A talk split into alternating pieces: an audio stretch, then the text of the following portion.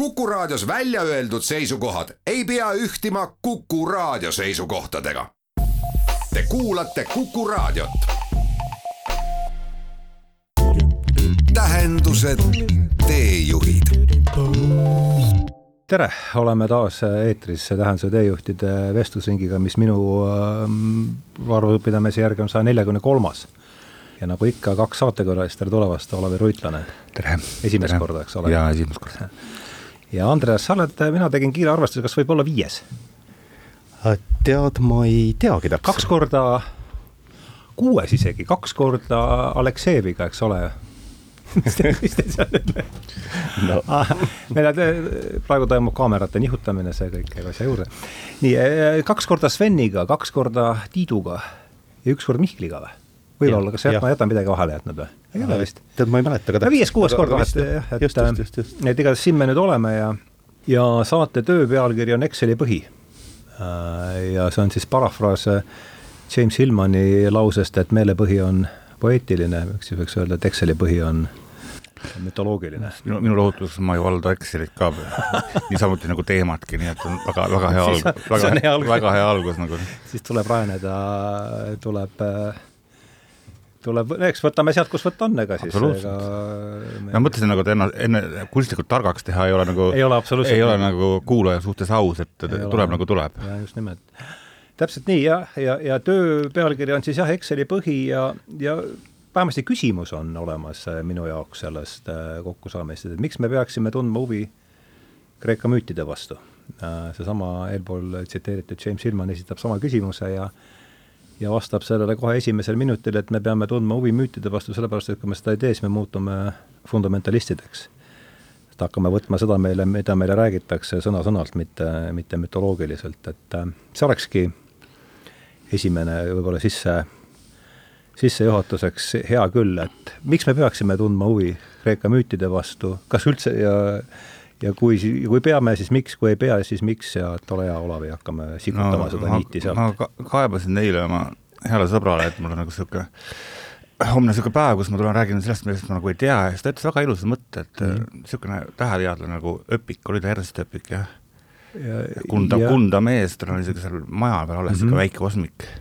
ja tema ütles, tema käest oli vist küsitud, et noh, uurid neid tähti ja asju, et noh, niikuinii sa ju kohale, kohale ei sõida mitte, mitte kunagi nagu onju. Ja tüüp ütles selle peale niimoodi, et kuule, mis teil viga on?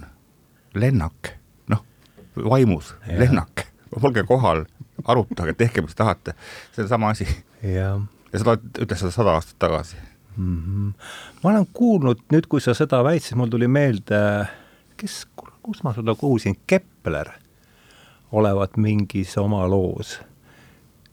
vaimusi, kurat, kuidas see täpselt on, aga ühesõnaga kuidagi oli sellesse loosse seotud Island ja kas oli see mingi unenägu või igatahes äh, Kepler just nii tegigi, sõitis vaimus äh, maalt välja, et siis sellele uuele kosmoloogiale, mille raames me siin praegu elame ja mille põhjale see olemasolev Excel praegu äh, toetub, alus, alus luua, et see tuli lihtsalt mul, ma pean selle koha üle kuulama, hea, et see tuli. aga Andres, mis sina arvad sellest mõttest, kas peaksime tundma huvi Kreeka müütide vastu, kui, kui ei, siis miks, kui jaa, siis miks? kuule, kas peaksime, ma ei, ma ei teagi, eks, mina tunnen, eks mm, -hmm. ja mina, ma kahtlemata ei, ei tunne ka teemat äh, läbi ja lõhki, aga mul on lapsepõlves oli kindlasti, olid Vana-Kreeka muistendid mm, -hmm. olid äh, vist kas koos Jules Verne'i Saladusliku saarega olid, oli mu lemmikraamat uh, aga eelkõige vist seetõttu, et see on lihtsalt huvitav mm. -hmm. ta on, ta on huvitav lugemine ja ta on ja ta on natuke, tead, ta annab ruumi kujutlusvõimele hästi-hästi palju. ja kujutlusvõime on, on minu jaoks ikkagi inimeseks olemise tuum tegelikult. Mm, et see on võib-olla, tegelikult esimene, esimene vastus ongi, see on lihtsalt huvitav. ja, ja, ja kuna minu mälestused on see, kuidas ma muutsin ühe oma dinasõduri Odüsseuseks ja teise Achilleuseks ja siis tead, seitsmeaastaselt vaiba peal pidasin nende vahel lahingut, siis, siis see, see on mulle kuidagi alati südamelähedaseks jäänud ja teine põhjus on võib-olla täpselt see, mis sa ütled, on see, et, et müüdid, nad pigem nagu kalduvad, kalduvad küsima küsimusi, miks ja mis, pigem kui kuidas mm. -hmm. ja see on, ja see on suht-koht, suht-koht oluline, see on see, ilmselt see, mida sa silmas pead, kui sa Exceli alusest räägid, eks mm. -hmm ja ma ei teagi, mis veel, noh, ma võin siin ju targutada pikalt, eks, et see on, ma ei tea, meie reaalsuse organiseerimise viis, eks, see on, see on viis, kuidas me enda jaoks paneme kokku mingit,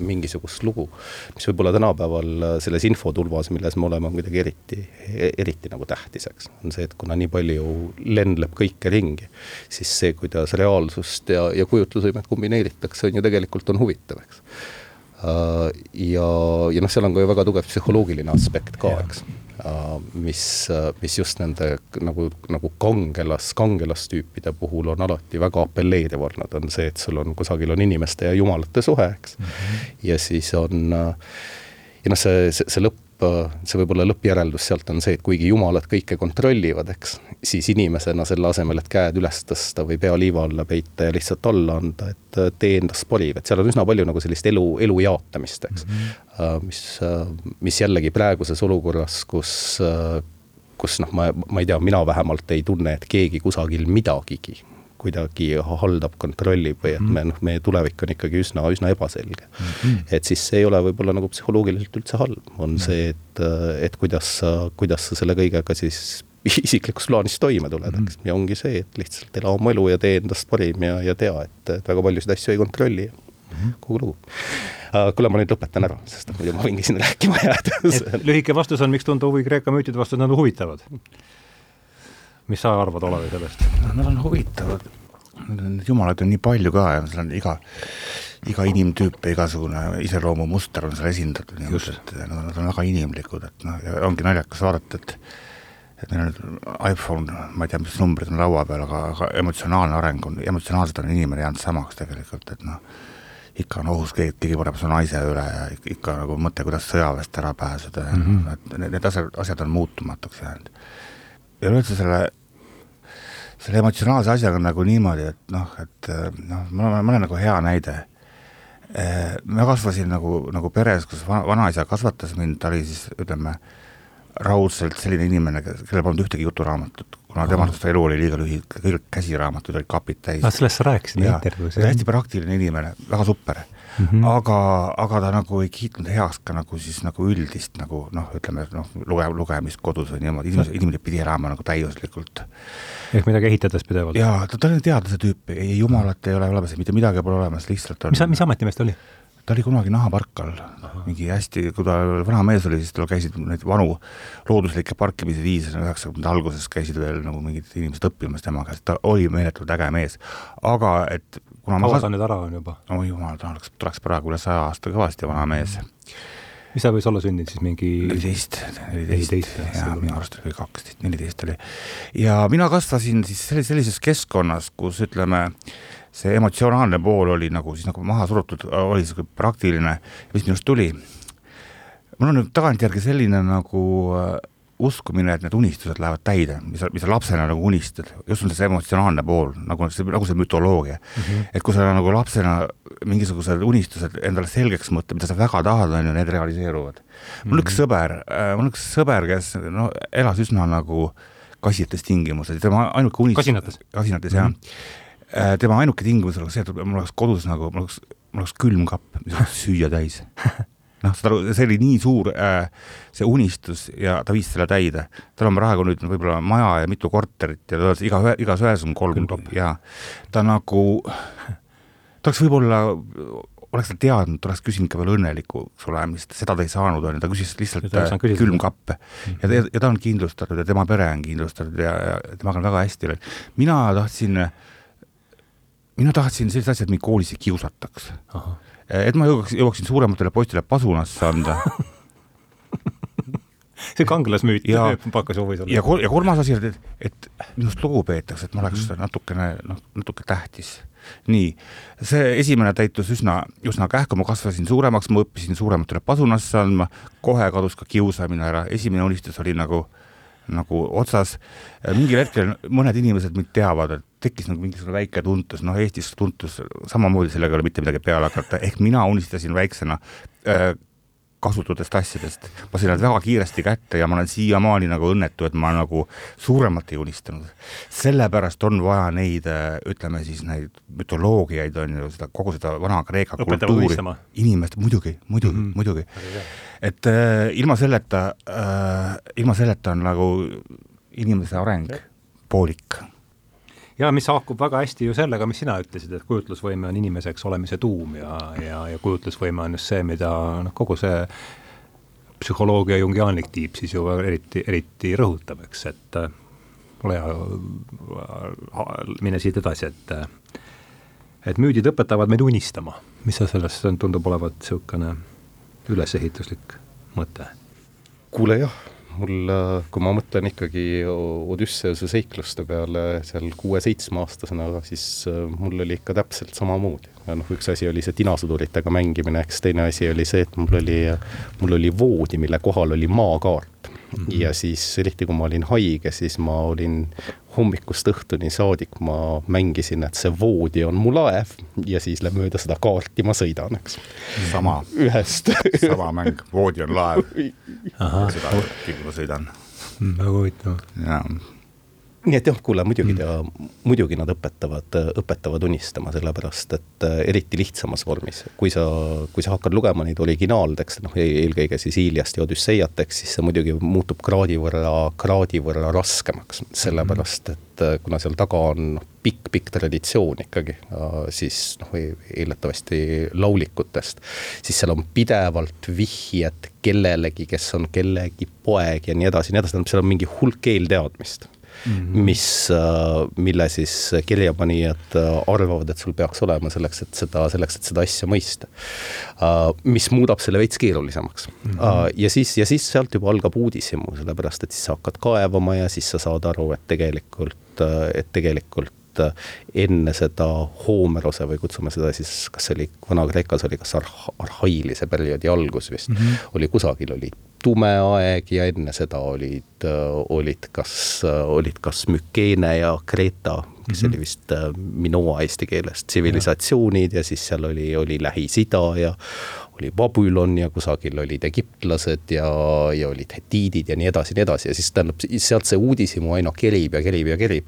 sellepärast, et sa saad üsna kiiresti aru ka sellest, et, et hästi palju sellest meie kultuurilisest DNA-st tegelikult tuleb hoopis Lähis-Idast mm. -hmm eks tuleb läbi, tuleb läbi sumerite ja, ja babüloon, babüloonlaste uh,. nii et ta on, ta on tegelikult, ta on nagu põhjatu kaev ja see on see, mida ma olen nüüd, mille, mida ma olen nüüd avastanud ka, et tänu sellele, tänu sellele kursusele, mis me sinuga koos teeme, et kuna ma olen jälle üle väga pika aja natuke sügavamalt hakanud sellesse kaevama, siis uh, sellel ei olegi lõppu seal on ikka kaevata kõvasti. ei, seal on kaevata kõvasti ja see on ja, täpselt sama, nagu see, sama tunne on mul. mida me siin Netflixist rääkisime, eks, on see, et on see, et sa hakkad pihta ja ühel hetkel on kell neli hommikul ja sa saad aru, et, et sa ei ole, et sa ei ole aastast kaks tuhat seitsesada meie aega palju kaugemale jõudnud, nii et ja muidugi, kuule, kahtlemata, kuna seal ei ole, seal ei ole selgust, eks, selles mhm. kõiges, seal on hästi-hästi palju ikkagi, ikkagi teadmatut, mis on, mis on ka ajaloolaste poolt puhas noh, ikka, ikkagi spekulatsioon, informeeritud spekulatsioon, eks, kes seal,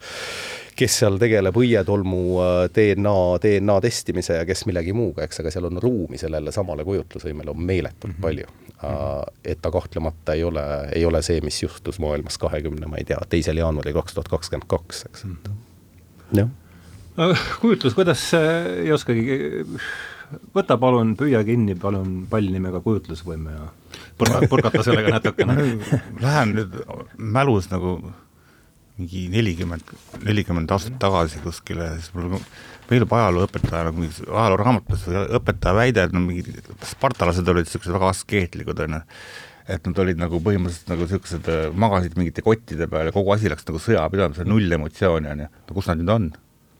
Ja kreeklased, kes siis nagu lubasid endale nii meelelist kui füüsilist kui igasugust nagu ütleme siis äh, meelelahutust, kaasa arvatud kujut-, kujutlemine mm, -hmm. on täiesti alles, Kreeka on mu lemmikreisikoht üleüldse nagu nagu Euroopas, et ma olen seal käinud vist viis või kuus korda järjest ja, ja kui mul valida kas Itaalia või Hispaania, ma võtan Kreeka, sellepärast et nad on maakad, nad on niisugused mõnusad maakad, nad on soojad, nad on kuidagi nagu noh, hästi armsad. me käime täpselt niimoodi, et me käime läheme, läheme turist, käisime Kreetal viimati, võtsime selle rendiauto ja sõitsime sinna, kus kohalikud inimesed söövad, läksime ühte kohta sisse, polnud ühtegi silti üleval, et see on mingisugune söögikoht. mis aasta see oli? see oli viimane suvi, et meil oli siin oli kolmkümmend kaks kraadi sooja ja, ja, ja seal oli kolmkümmend neli ja see kaks lisakraadi läks mulle üsna, üsna palju maksma, aga, aga aga see, et sõita, sõita mingi Fiat Pandaga kuskil Mäkke kakskümmend kilomeetrit ja vaadata, kus õue peal on need ahjud, millega nad süüa teevad, on ju. või siis maandusime mingisse söögikohta, kus pole ühtegi silti, mingid vanamehed söövad seal, et vaatasid mind suurte ilma, no mis te tahate, kas siin süüa saab? jah, saab küll, siis tuli üks inglise keele rääkija sinna, on ju ma ütlesin, et kas teil menüüd on, ei menüüd ei ole, aga tulge kööki ja vaadake, mis meil on. Läksime kööki, tõsteti potid pealt ära nagu ja, ja me sõime täpselt seda sööki, mida nagu nemad söövad ja, ja neil oli nii head meeled, mingi turist nagu tuleb päris nende koju sööma. no nad on nauditavad lihtsalt, mul ei ole ühtegi halba kogemust sealt. tähendused, teejuhid. tuleme nüüd tagasi, mis asi on õigupoolest müüt? Kõige selle taustal, kuidas sina seda võtad, mis? no müüt võib olla,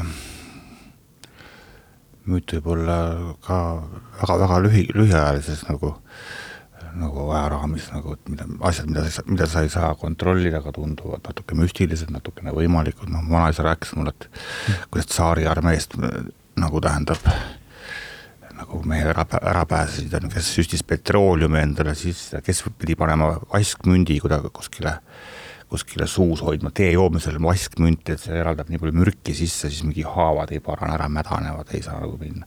kas see nüüd on tõsi või ei ole, nagu võib uskuda, võib mitte uskuda. soola ei külvatud no ma arvan, et selleks see nähti, see trikk nähti läbi. on igast asju külvatud, võib-olla sõrm, sõrmi ja ma ei tea mida nagu, et sõjaväest ära pääseda. Harju Tüsses ju külvas soola, eks ole. see, see on ju ja.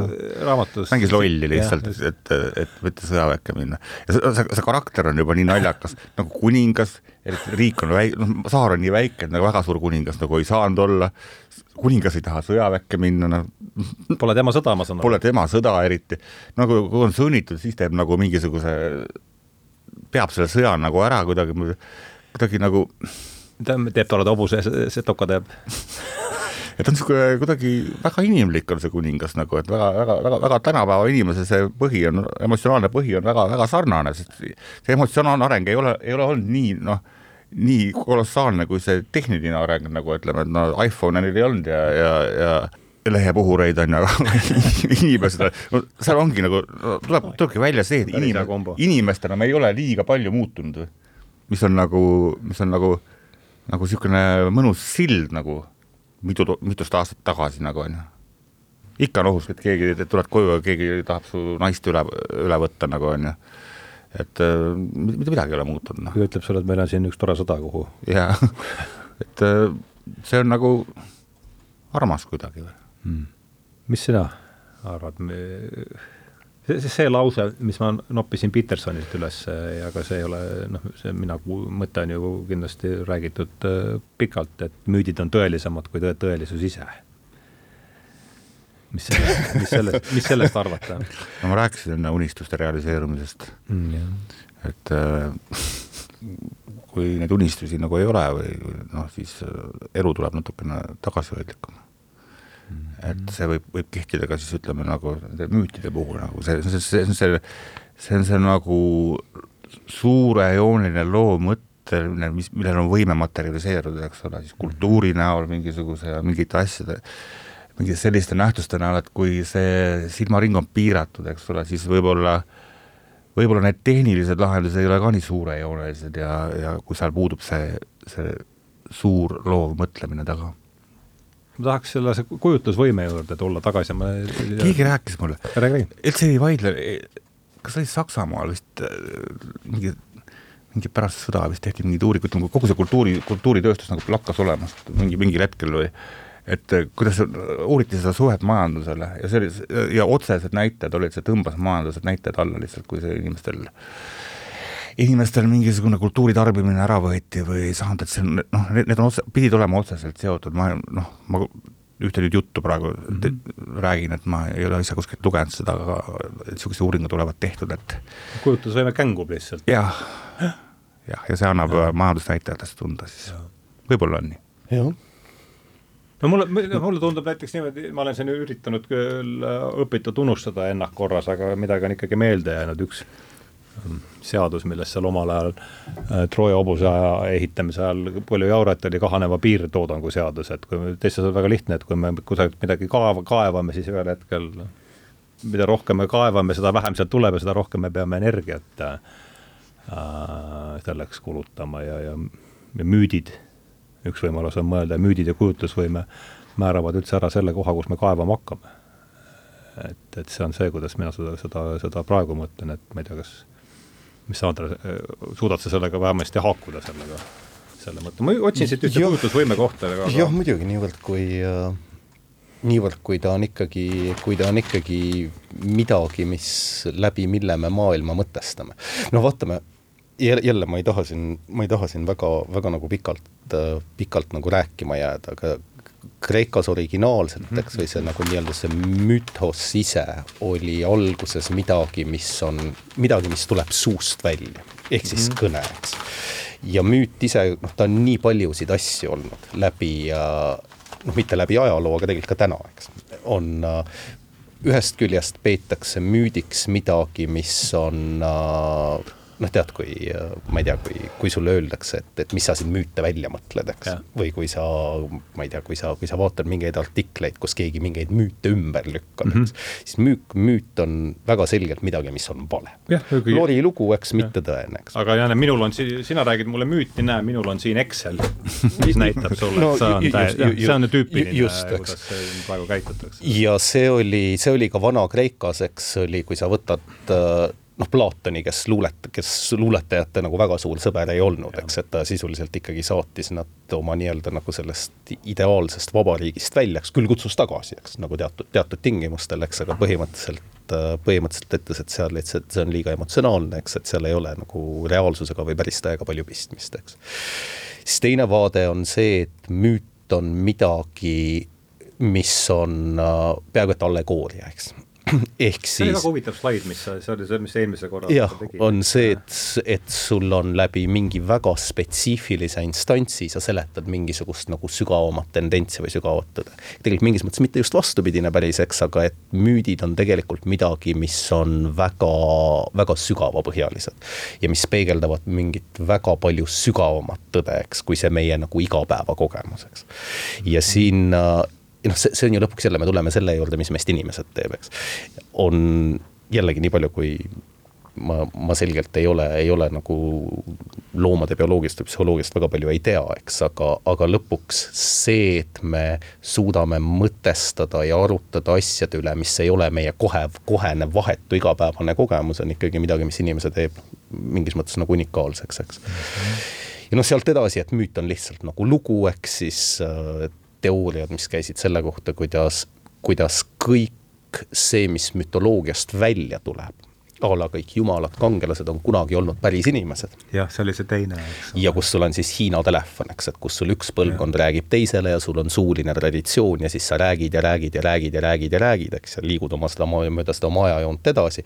ja siis ühel hetkel selles loos äh, härra X on muutunud jumalaks mm, -hmm. äh, jumalaks Y, eks. Ja noh, siis on hästi palju mu-, muudseid teooriaid on palju tegelikult, alates, alates seal, seal Hume'ist kuni Herderi, kuni, kuni Freudi, kuni noh, jumal, lühidalt palju. aga, aga mingis mõttes see jällegi, mis, mis Olav ütleb, on hästi huvitav ka nagu selle kogemuse osas, et me ei ole ju füsioloogiliselt ja bioloogiliselt väga muutunud läbi kõikide nende aastatuhandete, eks. ja seal oli, kunagi ma lugesin, lugesin seda, seda Harari hitt-teost, mis oli, oli Sapiens, eks uh, ja nii palju, kui ma nüüd mäletan, see oli küll aastaid tagasi, aga seal oli üks ääretult kena seletus sellele, kuidas inimestel on vaja müüte selleks, et laiaulatuslikult ükskõik mida koos teha mm. -hmm. Uh, ühist lugu, eks? jah, et ta on nagu meie ühine kujutlusvõime, eks, ja, ja kui me niimoodi mõtlema hakkame, siis selle, sellele ühisele kujutlusvõimele, eks me ju ehitame üles hästi palju asju, eks uh, olgu see siis antiiklinnas, olgu see suguharus, olgu see tänapäeva tsivilisatsioonis, eks. ja noh, seal, sealt nagu edasi minnes tead asjad nagu, asjad nagu raha ja inimõigused ja ma ei tea, ÜRO, Euroopa Liit, eks nagu kus sa teda käega katsud, eks, et äh, kuni riikideni välja, eks, et see on kõik meie kollektiivse nii-öelda kujutlusvõime me põhi, mis võimaldab meil üldse asju koos teha. ja siis sealt ta jõuab, mingis mõttes jõuab minu jaoks nagu kõige nagu võib-olla meeldejäävamani kohani selles raamatus ka, on see, et ta vaatab seda inimese pikemat ajalugu ja ütleb, et kuni homo sapiensi esiletõusu. jah mm -hmm kuni homo sapiensi esiletõusule, noh, ütleme, et seal on kiviaeg, mis algas tead mingi kolm, kolm, kolm pool miljonit aastat tagasi, eks, ja tegelikult kestis kuni, kuni eks enam-vähem selle perioodini, millest me siin alustame, ütleme mingisugune kolm tuhat, neli tuhat enne Kristust. et, et inimesed olid toiduahelas, olid, olid oma savannis suhteliselt keskmisel kohal alati. kuni homo sapiensi tulekuni või esiletõusule umbes sada tuhat aastat mhm. tagasi või noh, tähendab tegelikult arvatakse, et homo sapiens on varajasem, aga ütleme siis nagu esiletõusule.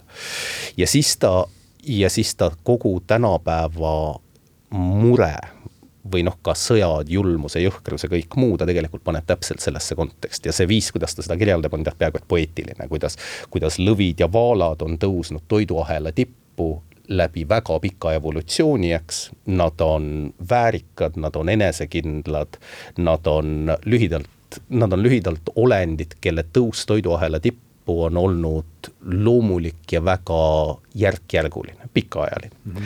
ja siis on inimene, kes ühel hetkel tänu siis noh, kutsume seda siis kognitiivseks revolutsiooniks, tegi järsu hüppe, eks, keda ta siis võrdleb rohkem äh, banaanivabariigi diktaatoriga, eks mm, -hmm. kes on kogu aeg olnud toiduahela keskel Uh, ja ühel hetkel on avastanud, et tal on, et ta on kuidagi võimsam kui teised, eks, ja siis kogu seesama, kogu seesama hirm uh, ja kõik muu, mis selle toiduahela keskelolekuga kaasneb, ei ole andnud ja see kiirus ei ole andnud inimesele aega kohaneda, kohaneda sellega, et ta on toiduahela tippu jõudnud ja. ja ta ei ole ökosüsteemile inimese ümber andnud aega, et kohaneda sellega, et mingi tegelane on äkki tulnud ja kõik üle võtnud, eks mm. -hmm. Um, mistõttu tema nagu, tema see, noh, see, see, see kirjeldus, see raamat ise on noh, ta on, ta, ta, ta on üsna nagu lihtsalt kirjeldatud, aga see seal on peaaegu et nagu, peaaegu et nagu poeetiline osa sellest raamatust siis. kus ta siis äh, üsna palju inimese siis ütleme, tumedamat poolt mingis mõttes viib tagasi selleni, et me oleme lihtsalt ühel hetkel liiga kiiresti hakanud liikuma. Ja ei ole sellega suutnud kohaneda ei meie ega ka meie, meie ümbruskond kõlab äh, mitte väga väheusutavalt, hmm. pigem, pigem ikkagi, hmm. pigem ikkagi usutavalt. vaalad on mul viie, viieaastased suured lemmikud praegu. ja siis ta mõtleb, noh, loeme siis kirjandust, nagu teadlased ikka väidavad, et nad põhimõtteliselt maalt kolinud tagasi vette ja noh, noh kunagi sõralised nagu et siis on, võime, võime, võime, võime igale poole tagasi pöörduda, lihtsalt aeg, aeg teeb, teeb oma korrektiivid, võime veel tagasi ka minna ajas nagu on ju või vette nagu, et. Vaala raamatule me pühendasime terve, pühendasime terve omaette hooaja, Moby Dick oli meil just enne pre presidendivalimisi, see, see oli siis viimane, mis ma üksi tegin. aga see jah, et me ise, et me ise ei kohane nagu selle oma, oma kasvuga, see, see, see on nagu, see on hirmuäratav aga tundub küll niimoodi olevat jah.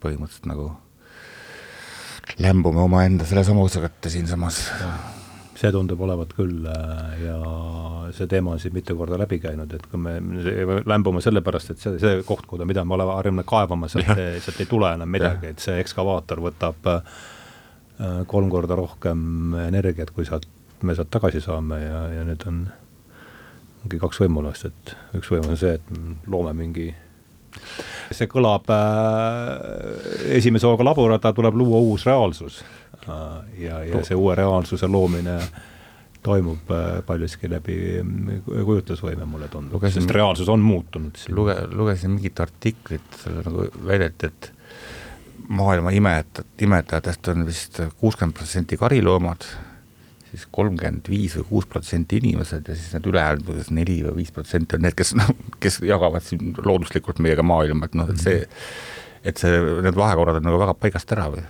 ehk et need kariloomad kuuluvad ju veel ka meie meie, meie kolhoosi. tähendused, teejuhid. nüüd mul tuli äh, lõpuks meelde see lause, mida ma olen otsinud tänu teiega vestluses. Äh, Erich Heller, üks äh, Briti, saksa päritooluga Briti esseist ja kirjamees, ütleb, et luures, luule struktureerib kogemust et ma olen kogu aeg, kui ma seda esimest korda lugesin, mida ta nüüd siin, millest ta nüüd räägib siin ja ma usun, et pärast tänast äh, ja nüüd vahepeal loetud ja, ja mõeldud, on see lause natukene selgem, aga et et ma viskaks selle kondi teile veel äh, pureda viima-, ühe viimasena, et luule struktureerib kogemust, et kuidas, mis te selle kohta ütleksite? noh, väga palju minust, minu luulest on vemmalvärss et, äh, et ma olen kasutanud nagu selles mõttes luulet nagu vähem teraapiana, et kir-, kirjutamine on minu jaoks teraapiline tegevus lihtsalt, on ju. et oma vaimupuudega nagu hakkama saada, siis ma olen sunnitud kirjutama. ja ma olen teinud ka endaga ammu, ammu nagu tähendab, rahu, selles mõttes, et mul ei ole vaja ühtegi raamatut kirjutada, sellepärast et on vaja raamatut vaja, mul on vaja siis sel juhul mingist seisundist vabastada ennast, et selleks, siis tuleb raamat või ei tule raamatut. kui ei tuleks ühtegi raamatut rohkem, ju ma oleks õnnelikum inimene, siis ma, seda tähendab seda, et ma olen millest Andres just äh, siin deklameeris meil. jah, selles mõttes, et ma diilin praeguse olukorra väga hästi, on see, et kui mul raamatut ei tule ja kui, kui mul ei tule raamatut, siis tähendab, minuga on kõik hästi aga luulet ma olen kasutanud tegelikult mõned korrad küll nagu ütleme siis nagu põgenemiseks on ju, et, et minna sisse lihtsalt ja ja, ja kirjutada see asi välja lihtsalt, et, et, et, et olen kasutanud jah, see on, see on ka võimalik, et et see nagu emotsioon ära panna lihtsalt ja, ja, ja, ja oma, oma eluga edasi minna mm. -hmm. olen, olen sunnitud olnud siis ütleme luule struktureerib kogemust, kogemust.. luule, luule struktureerib kogemust, ütleb Heller minu arvates, ma nüüd arvan, et tänu sellele mul tuli see tsitaat meelde, ma otsisin seda, mida, mida kuramust ta võis mõelda selle all, mind on ennast see huvitanud ja nüüd ma arvan, et ma taipan natuke ehk rohkem, aga ma tahaks teada, mis sina sest, kuidas sina sellega haakud? Kusjuures, kui ma mõtlen selle tänase, tänase saate teema peale, siis ma pigem näen seda, kuidas, kuidas müüt mm -hmm. struktureerib kogemust. ma arvan, et seal võib neid kasutada sünonüümidena selles ja. kontekstis. ja kui jah, kui, kui seda vaadata, noh, mitte siis sõnasõnaliselt, aga selle nurga alt, siis, siis kindlasti jah, ma arvan, et see, ma arvan, et selle noh, tegelikult meie, meie teadvuse, meie teadvuse struktureerimine, mitte ainult kogemus, aga ka teadvuse struktureerimine on midagi, mida müüdid teevad. kas luule ise struktureerib kogemust äh, raske öelda. ma arvan, et see luule ongi lai. noh jah, ta on hästi, ta on hästi lai, et kui me siin nagu räägime sellistest pilariimidest, eks, millega me siin praegu oleme välja tulnud, siis tõenäoliselt mitte, eks mm. -hmm. samas, kui ma mõtlen, no ma ei tea, mingisuguse Oscar Wilde'i ja Readingi vangla peale, eks noh, mis on pikk, pikk, pikk, pikk, pikk, eks siis seal väga selgelt on äh, on ikkagi väga intensiivselt kokku võetud kogemus, mis on, mis on pikk ja, ja üsna hirmus, eks. aga noh, natuke nagu Olavigi on see, et, et ma ei tea, kas see on lihtsalt lihtsalt luule. aga minu enda instinkt on ka, on see, et kui muutujaid on palju ja on vaja läbi mõelda keerulised asjad, siis ma ikkagi pöördun ka kirjakeele juurde, eks. aga mitte kunagi värsi vormis mm. -hmm see on ka see asi nagu, et kui on mingisugune, ütleme siis nagu hingeline üle, üle, üle, üle elamus või mingisugune kogemus just niimoodi ja sellega tuleb tege-, noh, sellega on soov, vajadus tegeleda pikemalt, siis kuidas sa tegeled, kas sa, kas sa istud maas ja, ja siis ägad selle nagu mm, -hmm. selle all. sa saad selle välja. või, või sa tegeled sellega, sa, sa ei pääse, sa pead temaga tegelema nii või naa, aga siis on sul mingisugune struktu-, struktureeritud tegevus sellega mm, -hmm. sa saad selle asjaga tegeleda või teine asi, võtame lihtsama, olen, äh, kujutame nüüd ennast murdeikka järsku hakkavad äh, hormoonid möllama, olukord on täiesti muutunud ja siin on, ahaa, näe, see on luuletus. et see on see, mida ma, see on see, mida ma tunnen või, või see on see, mis toimub, see annab mingigi, mingigi konksu, kuhu see tohutu segadus äh, külge panna, ma arvan, et see on võib-olla teine võimalus sellesama asja jaoks. lause inimene on nii keeruline asi, kui siin mängib veel ju see kehakeemia, ajukeemia nagu, mis on, et muidugi mul üks sõber ütles kunagi selle peale, et tal läheb iga raamatu peale üks naine nagu onju mul läheks ka ausalt öeldes, on ju, aga pärast, pärast oma praeguse naisega suhete taastamine, see lõhuks jälle nii noh, et, et ma, ma olen läinud seda vanamoodset teed, tähendab, et ikkagi ei, ei, ei lähe mul iga raamatu jaoks enam üks naine nagu, et see on liiga lõhkuv nagu. aga no ütleme siis nagu armumise pealt, oi, ma olen kirjutanud neid haikusid ja neid luuletusi puudu on ainult keemiast, see kraan puudub külje pealt, keeraks selle kraani lahti, eks ole, ainult kirjutaks nagu onju. aga, aga, aga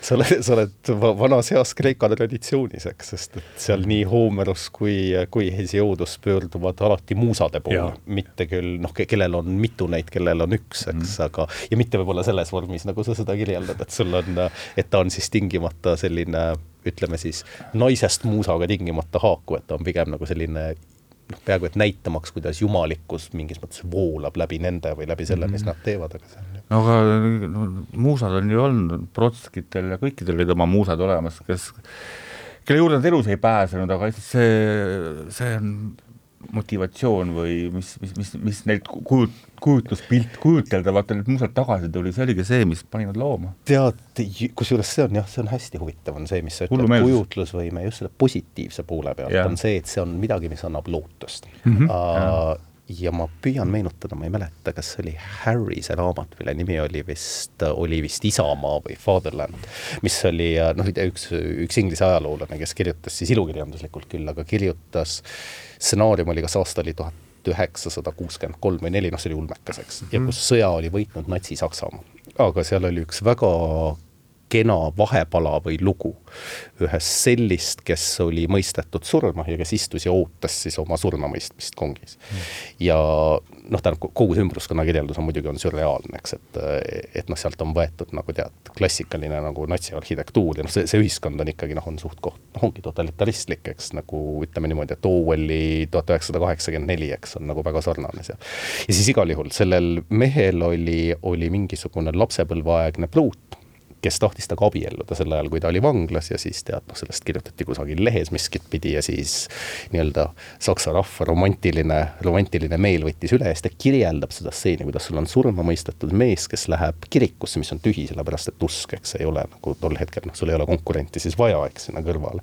kuidas nad lähevad, kuidas nad abielluvad ja kuidas see mees siis palub sellelt kirikuõpetajalt et kas ta saaks oma siis nii-öelda oma äsja naitunud või, või oma, oma äsja võetud naisega tead, saada viisteist minutit kusagil, kusagil nagu omaette aega, eks, ja siis kirikuõpetaja annab talle selle aja ja siis on seal suurepärane kirjeldus, kuidas see mees tuleb välja, teades, et ta hukatakse. ja ta ütleb, et Äh, või see, kuidas ta seda kirjeldab, on see, et sa võiks ju eeldada, et seal on inimene, kes küsib lisaaega või küsib midagi muud või, ja seal on hästi ilusasti on kirjeldatud see, kuidas see mees sammus sirge seljaga ja püsti peaga oma saatusele vastu. sellepärast, et ainus asi, mida tal oli vaja, oli teada, et võimalus teistsuguseks eluks on olemas ja noh, sealt stseen lõpeb, eks, ja, ja ongi kõik, et see on just see lootuse, lootuse roll kujutlusvõimes on muidugi ka hästi, hästi kena. ja teine mm. seesama saatuse motiiv, mulle väga meeldis see, see oli üks Tarnase loengus, kus ta rääkis seal Hillmanist ja et pärast tema nägemus oli siis ähm, katastroofi jär-, väljend on katastroofijärgne psühholoogia, tuli välja, et see, ma ei tea, mis Jungilt pärineb, see katastroofijärgne psühholoogia ei ole juur-, jõudnud uurida, mis see täpsemalt tähendab või mis see kontekst on, aga aga ütles, et katastroofijärgne psühholoogia rajaneb kolmele universaalile, mis on õiglus, ilu ja, ja, ja, ja saatus. ja, ja saatus, mis mulle eriti kuidagi läks, et saatus annab äh, tragöödialöökidele nende tähtsuse. mis on ilus, äh, et äh, ja just sealt see müütiline, et see saatuse sõna on see, mille kaudu see müütiline müütiline nägemus või arusaamine meieni jõuab, aga mul on kiusatus esitada viimane küsimus. Ja ja, ja, ja midagi ei ole teha, see kursus tiksub edasi ja veel kord ma olen selles ja sellepärast see sa-, vestlus sai, sai ju ka organiseeritud või kokku kutsutud, et see, mina ta jõudsin ta läbi, suuresti läbi Hillmanini, läbi Hillmani ja üks lause, mis me nüüd teiega siin vesteldes tuli, hakkas peas trummeldama, oli, ta ütleb Shakespeare'i kohta. Et Shakespeare'il on, Shakespeare'i kangelased on äh, vahepuhver Shakespeare'i kui inimese ja ta nimetab ingliskeelse teine pool on äh, madness of the psyche. Ehk siis äh, Tonts teab, mida ta selle all mõtleb. ühesõnaga idee, mida ta ütleb, on see, et Shakespeare'i kangelased on vahevöö, puhver Shakespeare'i kui inimese ja teine pool on siis madness of the psyche. Kuidas me seda tõlgime, jätame ta praegu, et mida sellest, lihtsalt see tuli meelde, järelikult on oluline mulle praegu, et kui küsiks teie arvamust äh, selle kohta, siis paneme mikrofoni kinni. ja kui ei tule midagi, siis see on ka okei okay.. aga. üürisin kunagi korterit Tartu linnas ja seal oli öeldud, et tahatuppa ei või minna, et kõik kaks tuba on minu ja ma olen olnud ka samas situatsioonis. ja tagum-, tahatuppa minna ei või. aga esimese toa tapeedile oli keegi kirjutanud undki näha, sest nõnda uinudes kaoks hingepiin või kõik need tuhat häiret, mis me liha pärib looduselt, et sealt jäi mulle see pähe, siis ma lõpuks murdisin ikkagi nagu tagu, tagumise tuppa sisse, sest kui öeldakse, et ei, ei saa minna, siis me leidsime võti, võtme kuskilt Nii. ukse pealt vist see oli täis raamatuid, seal oli raamaturiiul vist oli kahes seinas. Ja seal oli, keegi oli kogunud Eesti luulekogusid, keegi oli kogunud, kõik Shakespeare'i teosed olid seal olemas, seal olid Byronid, seal oli ja uskumatuid nagu, niisugune luuletaja nagu Linda Ruus oli kunagi, ta oli, rohkem tõlkija nagu, kui geniaalseid luuletusi noores, noores põlves kirjutas. ja siis ma lugesin kõik need, kõik need Shakespeare'i võimalikud asjad läbi, sellepärast nad olid megalahedas tõlkes. Byron näiteks oli oluliselt raskem tõlge nagu minu jaoks tol hetkel nagu on ju. ja siis ma mingil hetkel avastasin, et ma kirjutan tundmatu luuletaja, kes polnud veel ühtegi, ühtegi luuletust kuskil avaldanud, et ma kirjutan nagu Shakespeare ja see tundus nii, nii õige olevat, on ju, aga ma ei tihanud neid kellelegi näidata ja nüüd on nad kadunud, on ju, ma arvan, et see on, see on väga hea, et niimoodi läks see on see pilt, mis sul, sul haakus seda. jah, mul on see, mul on Shakespeare'i periood täiesti olnud, tähendab, et kus ma olen nautinud seda. Andres? kuule, minul tuleb Freud pähe sellega Aha. kohe või ta nagu varajasemat, varajasem nagu teooria, mis haakub müüdiga ka mm -hmm. tegelikult, mis on, mis on seesama siis teadvus, alateadvus ja jällegi ma ei ole kindel, kuidas seda eesti keeles kutsutakse, aga see on vist see reps-, repressioonijoon või repressiooni piir, mis nende vahel on mm. -hmm. ja seda on siis seletatud noh, Kreeka müütide puhul, noh eriti seal loomisloost, kus on noh, kõik, eks, seal on, seal on tapmist, seal on verd, seal on laste söömist, seal on noh, tead, igasuguseid asju.